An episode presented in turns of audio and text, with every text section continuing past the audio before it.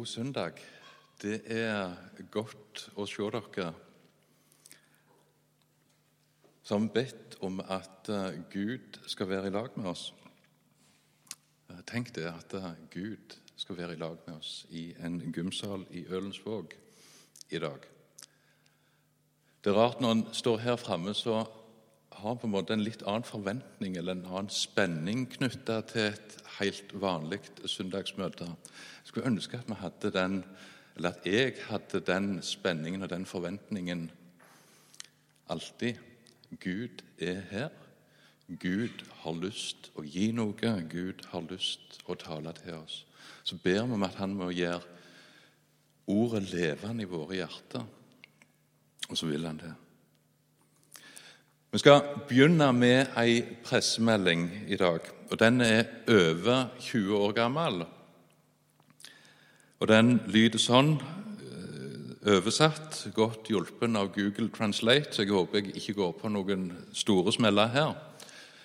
Men Det er altså ei pressemelding fra pressesekretærens kontor i Det hvite hus for umiddelbar utgivelse 22.10.1999.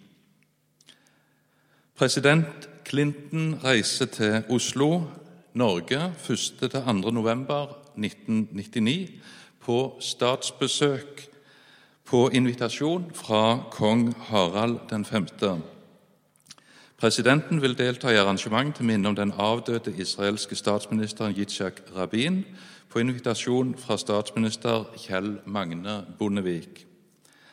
Presidenten vil også benytte anledningen til å møte statsminister Barak og styreleder Arafat for å bygge videre på Yitzhak Rabins arv og bevege seg nærmere målet hans, en permanent fred mellom Israel og det palestinske folket.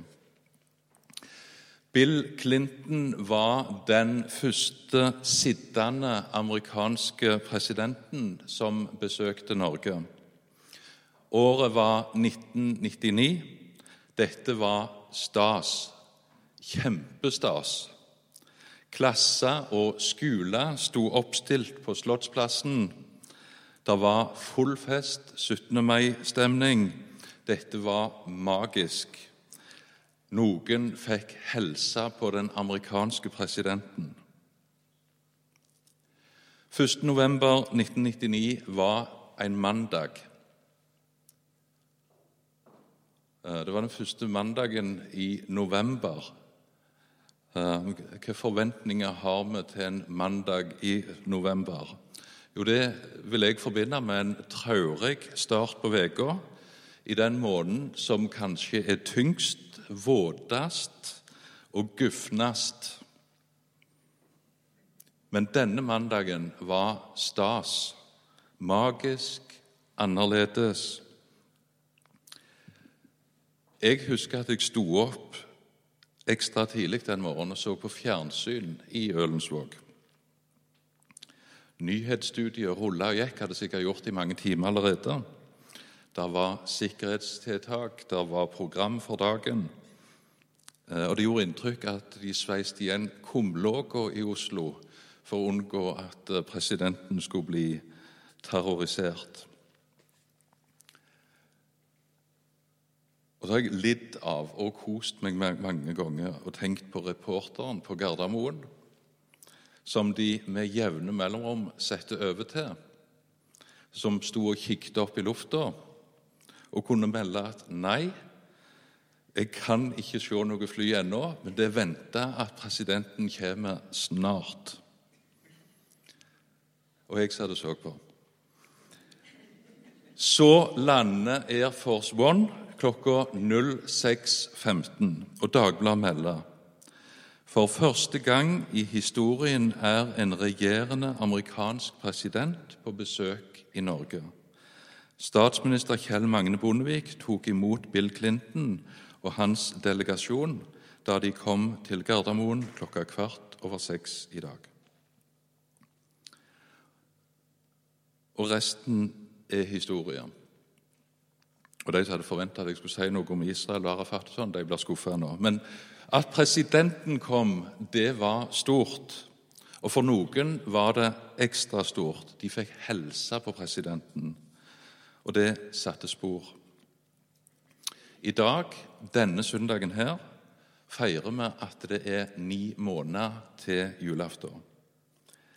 Dette er dagen der Gud annonserer at han vil komme.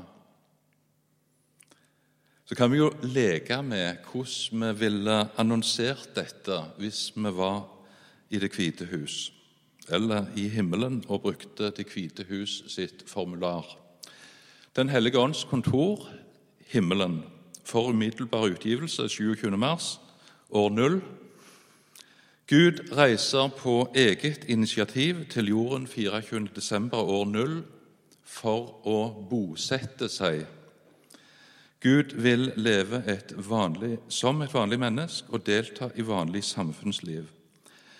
Gud vil særlig benytte anledningen til å møte mennesker for å bygge videre på sin frelsesplan og for å bevege seg nærmere målet hans, en permanent fred mellom Gud og menneskene. For en dag Gud kommer til himmelen. Han som har skapt universet, sol, stjerne, jord, plante, dyr, mennesk. han som kjenner, og han som forstår, og han som holder oppe alle disse detaljene. Han som vet om og kjenner alle mennesk som lever, og som har levd. 7,8 milliarder sier Wikipedia at det lever nå, og det er mange som har levd før oss. Han som holder oppe alt dette. Han som kjenner hvert hjerteslag hver dag, han som står bak, han kommer. Tenk om han hadde valgt 2022 i stedet for år null. Tenk for en arrangementskomité vi kunne lagd. Og for en velkomstkomité vi kunne gitt han. Og ikke minst, tenk for ei mediedekning vi kunne ha stelt i stand. Men Gud er annerledes. Og Nå skal vi endelig lese søndagens tekst, som står i Lukas 1 og vers 39-45. Ehm, dette Maria budskapsdag. Men Maria brøt opp i de dager og skyndte seg til fjellbygdene, til en by i Juda. Hun kom inn i Zakarias hus og hilste på Elisabeth. Og det skjedde at da Elisabeth hørte Marias hilsen, da sprang barnet i hennes liv. Elisabeth ble fulgt ved Den hellige ånd. Hun ropte med høy røst og sa:" Velsignet er du blant kvinner, og velsignet er frukten av ditt mors liv. Hvordan kan dette hende meg, at min Herres mor kommer til meg? For se, da lyden av din hilsen nådde mitt øre, sprang barnet i mitt liv av fryd. Salig er hun som trodde, for fullbyrdet skal det bli som er sagt henne av Herren. Maria, som nettopp har fått vite at hun skal bli mor til Guds barn, drar til sin slektning Elisabeth. Det som hadde skjedd med Maria før hun dro til Elisabeth, leser vi om i versene før. Der er overskrifta 'Maria skal føde verdens frelser'. Smak litt på den. Maria skal føde verdens frelser. I Lukas 1, 26-38 så står det om når hun fikk vite dette. Men i den sjette måneden ble engelen Gabriel sendt av Gud til en by i Galilea som heter Nasaret. Til en jomfru som var forlovet med en mann som het Josef, av Davids ett. og jomfruens navn var Maria. Engelen kom inn til henne og sa, Vær hilset, du som har fått nåde. Herren er med deg. Velsignet er du blant kvinner. Men hun ble forferdet over hans ord og grunnet på hva slags hilsen dette kunne være. Og engelen sa, til henne, Frykt ikke, Maria, for du har funnet nåde hos Gud. Se, du skal bli med barn og føde en sønn, og du skal gi ham navnet Jesus. Han skal være stor og kalles Den høyestes sønn. Gud Herren skal gi ham hans far Davids trone, og han skal være konge over Jakobs hus til evig tid. Og det skal ikke være ende på hans kongedømme. Men Maria sa til engelen, Hvordan skal dette gå til, da jeg ikke vet om mann? Engelen svarte og sa til henne, Den hellige ånd skal komme over deg, og den høyestes kraft skal overskygge deg. Derfor skal også det hellige som blir født, kalles Guds sønn. Og se, Elisabeth, din slektning, har også unnfanget en sønn i sin høye alder. Hun som ble kalt ufruktbar, er nå alt i sjette måned for ingenting er umulig for Gud. Da sa Maria, Se, jeg er Herrens tjenerinne. Det skjer meg etter ditt ord. Og engelen forlot henne. Gud har gjennom sin engel Gabriel et møte med Maria. Gud kommer til Maria. Så sier Gabriel at Maria er velsigna. Maria har funnet nåde. Han sier at Gud er med henne. Hun skal bli gravid. Hun skal føde en sønn, sønn av Gud. En som skal være konge til evig tid. Og så har Maria og Gabriel en slags samtale der Maria får svar på spørsmål. Hun får vite at hun skal bli gravid ved Den hellige ånd, og hun får vite at slektningen Elisabeth òg er gravid, tross at Elisabeth har høy alder og at du er ufruktbar. Gud gir Maria et kall og så forklarer Gud hvordan det skal gå til. Gud legger til rette slik at det er noen rundt Maria som hun kan søke støtte hos. Noen som òg Gud har kalt og utrusta. Det er et helt vilt oppdrag Maria får og så er hun villig. Se, jeg er Herrens tjenerinne. Det skjer meg etter ditt ord, sier hun. Tenk for en tillit. Tenk for en for ei dame. Hun er villig. Hun setter Gud over seg sjøl. Hun legger seg i hans hender. Og så er vi tilbake til vår tekst. Maria reiser til Elisabeth. Elisabeth, som er langt oppi åra, står der.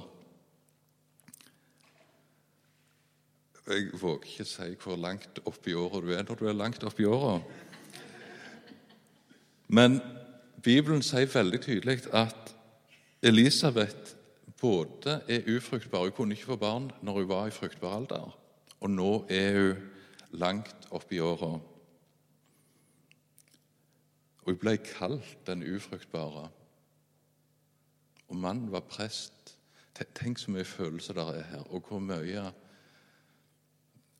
vondt. Hun som aldri fikk barn, hun som ble kalt ufruktbar. Elisabeth hadde ønska seg barn hele livet.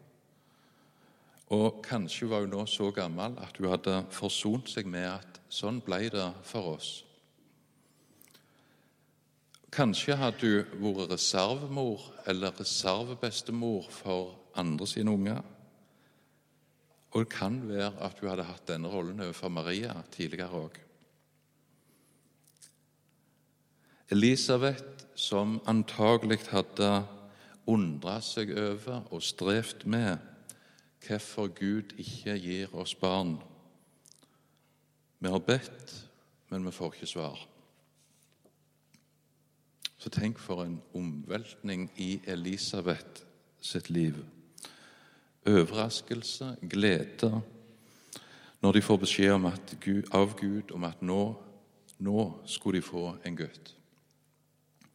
De skulle få en gutt som skal bli døperen Johannes, og han skal være stor for Herren.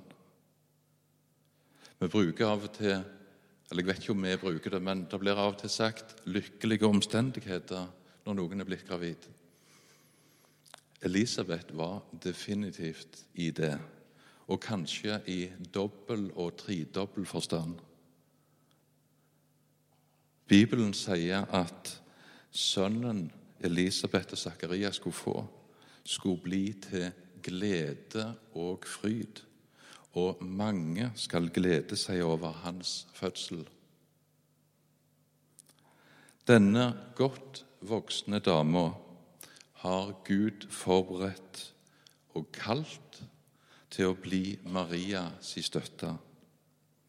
Ei som vet hva skam er, ei som har lurt på om Gud hører bønner, ei som er voksen, erfaren og trygg. Og nå er Elisabeth òg ufattelig glad og takknemlig sammen med Maria. Hun har fått bønnesvar. Den unge Maria drar til den voksne Elisabeth. Den dristige, vågelige, men òg uerfarne og sårbare Maria får søke hjelp hos den voksne og trygge. Og begge takker Gud. Begge ser at dette dreier seg om noe som er større enn deres liv. Det handler om Jesus. Det handler om verdens frelser. Hør igjen hva Elisabeth sier, fullt ved Den hellige ånd, når hun møter Maria. Velsignet er du blant kvinner, og velsignet er frukten av ditt mors liv. Hvordan kan dette hende meg, at min Herres mor kommer til meg? For se, da lyden av din hilsen nådde mitt øre, sprang barnet i mitt liv av fryd. Salig er hun som trodde, for fullbyrdet skal det bli, som er sagt henne av Herren. Kraftfulle ord. Og så blir det altså sagt fullt av Den hellige ånd. Det er på en måte Guds ord. Maria er velsigna. Hun var villig. Hun får bli brukt av Gud. Frukta av Marias morsliv er velsigna. Jesus er velsigna. Han er frukten av hennes morsliv. Maria er mor til Elisabeths herre. Maria blir Guds mor. Salig er Maria fordi hun trodde. I emoji-verden, hvis det er noe vi kan kalle det, altså disse her smilefjesene som vi trykker på på telefonene, så er det en emoji av et hode som eksploderer. Eh, og vi kan godt ta eh, en samtale etterpå noen, og diskutere litt og snakke litt om hvordan vi skal bruke den emojien. Eh, men jeg har brukt den når jeg er kokt i hodet, når det er noe som blir litt mye, eller noe som blir så komplisert eller innfløkt at jeg ikke forstår. Det går rundt for meg. Det føles som hodet eksploderer. Den emojien har trist munn. Når vi leser Elisabeth sitt vitnesbyrd, så savner jeg en emoji der hodet eksploderer samtidig som han smiler. Gud blei mennesk. Maria blei Guds mor. Slik valgte Gud å komme til verden. Gud blei mennesk. Maria blei Guds mor. Sånn valgte Gud å gjøre entré i verden. Det er så stort, og det er så ufattelig. Og det er så enormt mye bedre enn noe vi kunne ha planlagt eller funnet på. Det er komplett uforståelig bra. Og her vil jeg brukt emojien. Hodet eksploderer med et salig smil om munnen. Gud velger kanskje verdens verste sted, tidspunkt La oss kalle det rollebesetning i verdenshistorien. Det fins ikke mediedekning. Bare der skjer det seg. De har minimalt med hjelpemiddel, enten vi snakker om maskiner og teknikk, eller vi snakker om medisin. Barnedødeligheten er enorm. Landet er okkupert. Folket er forhatt. Og I tillegg så er de i konflikt med seg sjøl. Og lederen, kongen for folket, er en brutal diktator. Kvinna Gud har valgt seg ut til å bli Guds mor, er ung, hun er ugift. Hun risikerer å bli utstøtt og avvist fordi hun er blitt gravid ut forbi ekteskapet. Troverdigheten til budskapet om at Jesus er Guds sønn, kunne knapt hatt noe dårligere utgangspunkt, tenker vi. Elisabeth, hun som være, skal være støtta til Maria, hun kunne fortsatt vært bitter. Gud er Gud. Guds styrke og Guds storhet er så suveren at vår fornuft, våre strategier, våre planer for at noe skal bli vellykka, er unødvendig. Verdens frelser, Jesus Kristus, Gud, kommer til verden som et fattig barn. Forakta, forfulgt, vel kjent med smerte og sykdom. Han starter livet i Maria sin mage, og så fortsetter han til han er noen og 30 år, blir korsfesta, dør, står opp for oss. Det er Guds redningsplan. Maria må ha visst hva hun gikk til helt eller delvis, eller hatt en aning. Hun var blant de som venta på Guds utfrielse. Hun hadde Skriftene. Hun kjente nok profetiene. Det står at Maria grunna på andre ting. Hun må ha grunna på disse tingene òg. Mens hun er gravid, så bor hun hos en prest og kone som også venter på utfrielse. Jeseas hadde flere hundre år før dette skrevet profetier om hva som skulle skje. I Jesaja kapittel 7 så skriver han om jomfruen skal bli med barn, hun skal føde en sønn. Og så fortsetter Jesaja å beskrive veldig detaljert om hva som skal skje med dette barnet. Vi skal lese Jesaja 53, det. men tenk hvordan dette ble lest av ei ung mor, eller vordende mor. Eh, med et ømt morshjerte så må hun ha lest og lytta til dette og gjort seg opp tanker. Jesajas 53. Hvem trodde det budskapet vi hørte? Og for hvem ble Herrens arm åpenbart? Han skjøt opp som en kvist for hans åsyn, som fra en rot i tørr jord. Han hadde ingen skikkelse og ingen herlighet. Vi så ham, men han hadde ikke et utseende så vi kunne ha vår lyst i ham. Foraktet var han og forlatt av mennesker, en smertenes mann, vel kjent med sykdom.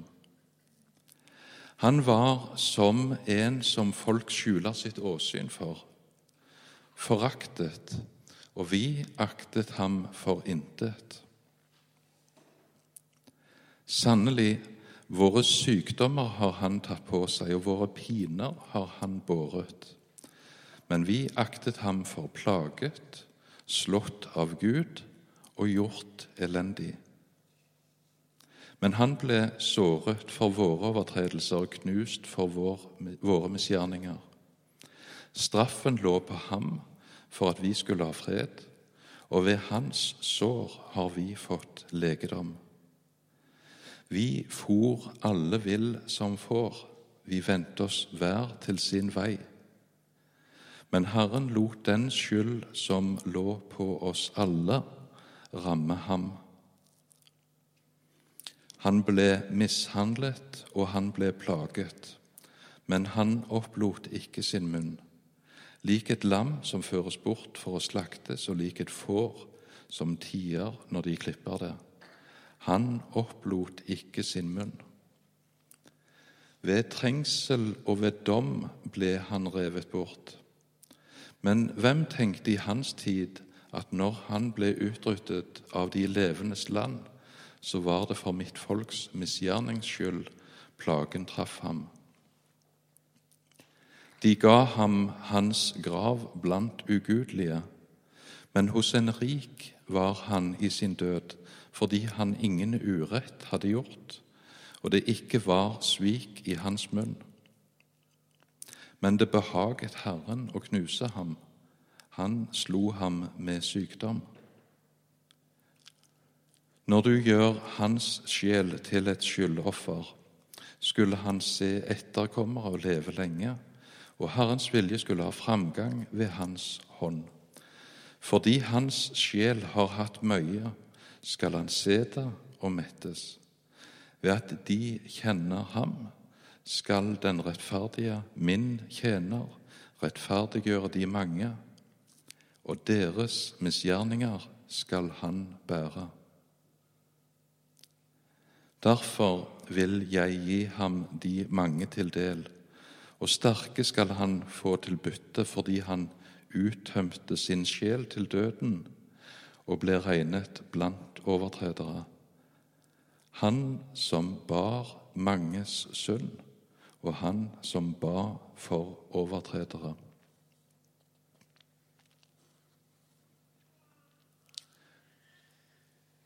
Tenk så spesielt det må ha vært for Maria å ha dette med seg som en profeti over graviditet og fødsel og mors oppdrag som hun var på vei inn i.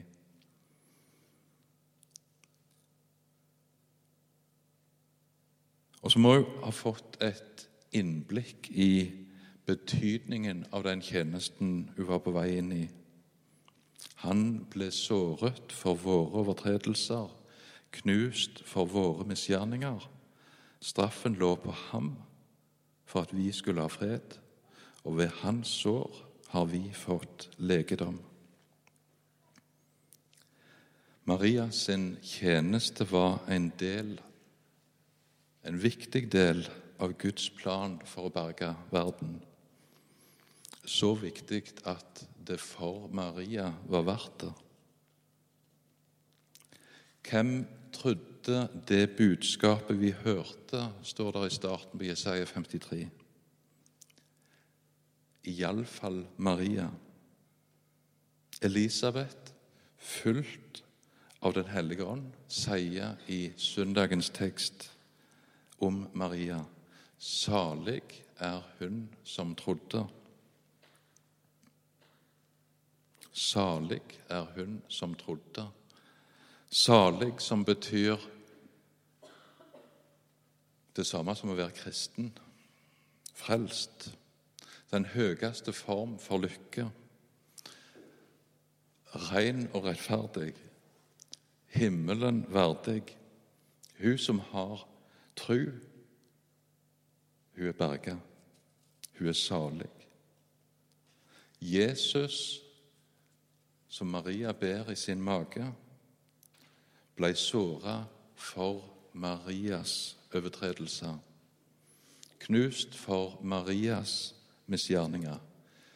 Straffa lå på Jesus for at Maria skulle ha fred, og ved hans sår fikk Maria legedom.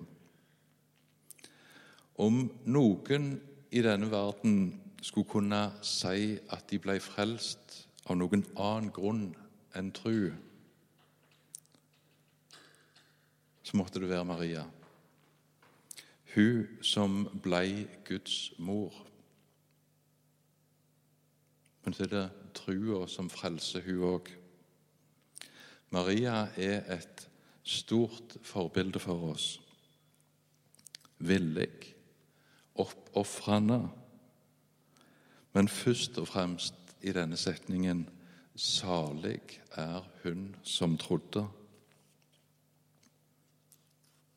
Gud, Gud kom til verden som et sårbart lite barn.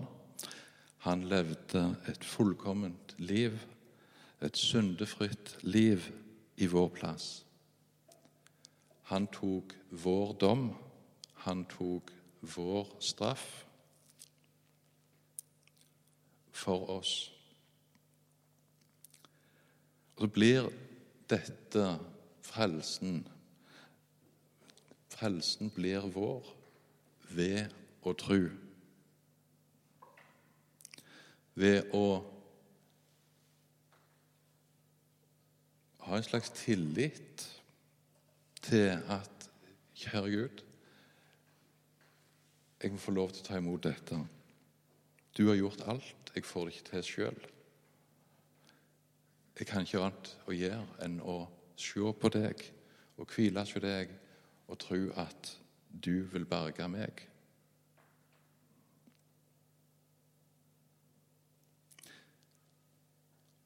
Og hvis vi ikke forstår dette, hvis du ikke forstår dette, så må du lete til du finner svar. Leit slik at du blir berga for himmelen. Hjelp meg i vantro. Spør Gud, spør noen rundt deg, spør en kristen. Finn svar på det spørsmålet. Trua berga Maria. Maria blei salig. Og så gjelder Guds frelsesplan hver den som tror, som ikke skal gå fortapt, men ha evig liv. Tror du dette? Vil du ta imot dette? Jesus står med åpne armer, og så vil han gi dette. Kjære Gud, takk for din nåde og din omsorg. Takk for Maria som forbilde. Lær oss, Jesus, å gå dine veier. Så ber vi om at du må velsigne oss og bevare oss. Vi ber om at du må lede oss hjem til himmelen. Amen.